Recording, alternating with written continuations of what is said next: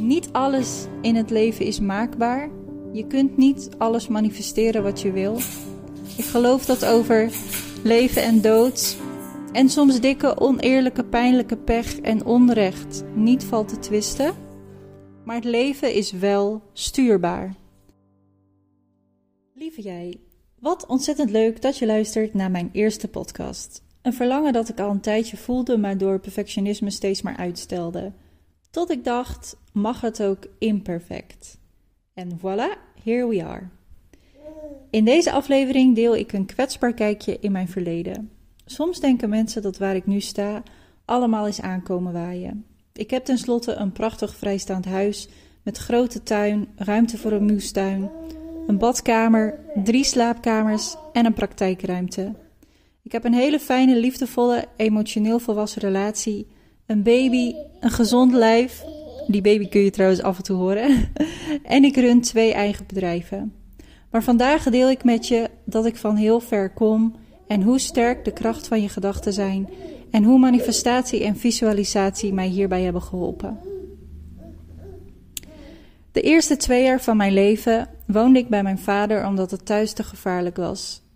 Ik heb twee jaar in een staakerven gewoond, waarbij de muizen s'nachts over mijn vader liepen en mijn haarborstel onder de keutels zaten. Ons boerderijtje als gezin is tot de grond aan afgefikt, opzettelijk.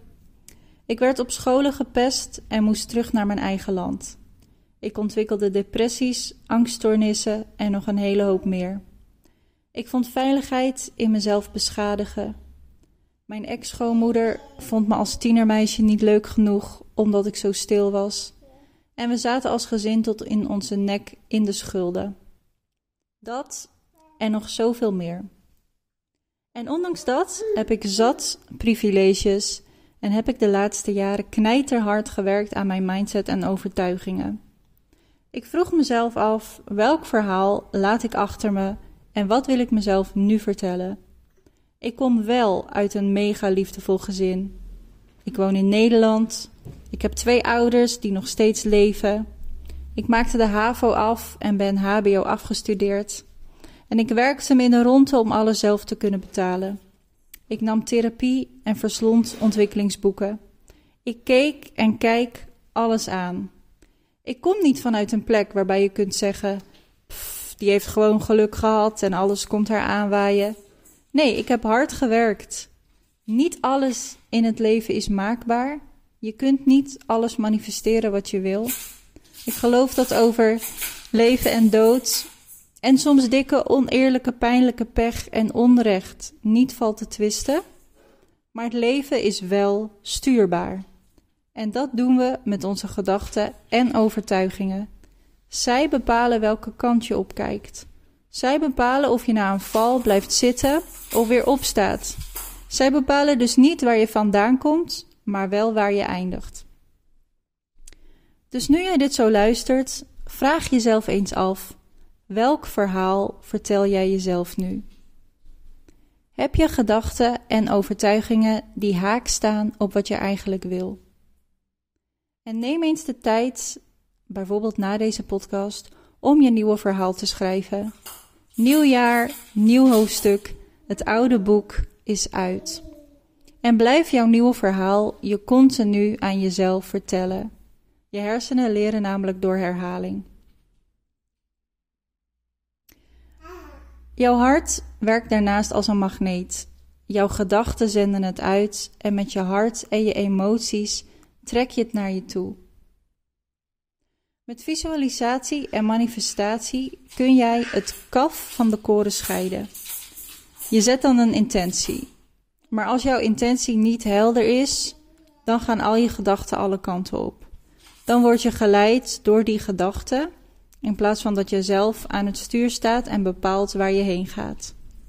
Dus met visualisatie bepaal jij wat er in je brein komt en naar welke gedachten je luistert. Als een keukenkastje vul jij het met dat wat goed voor jou is.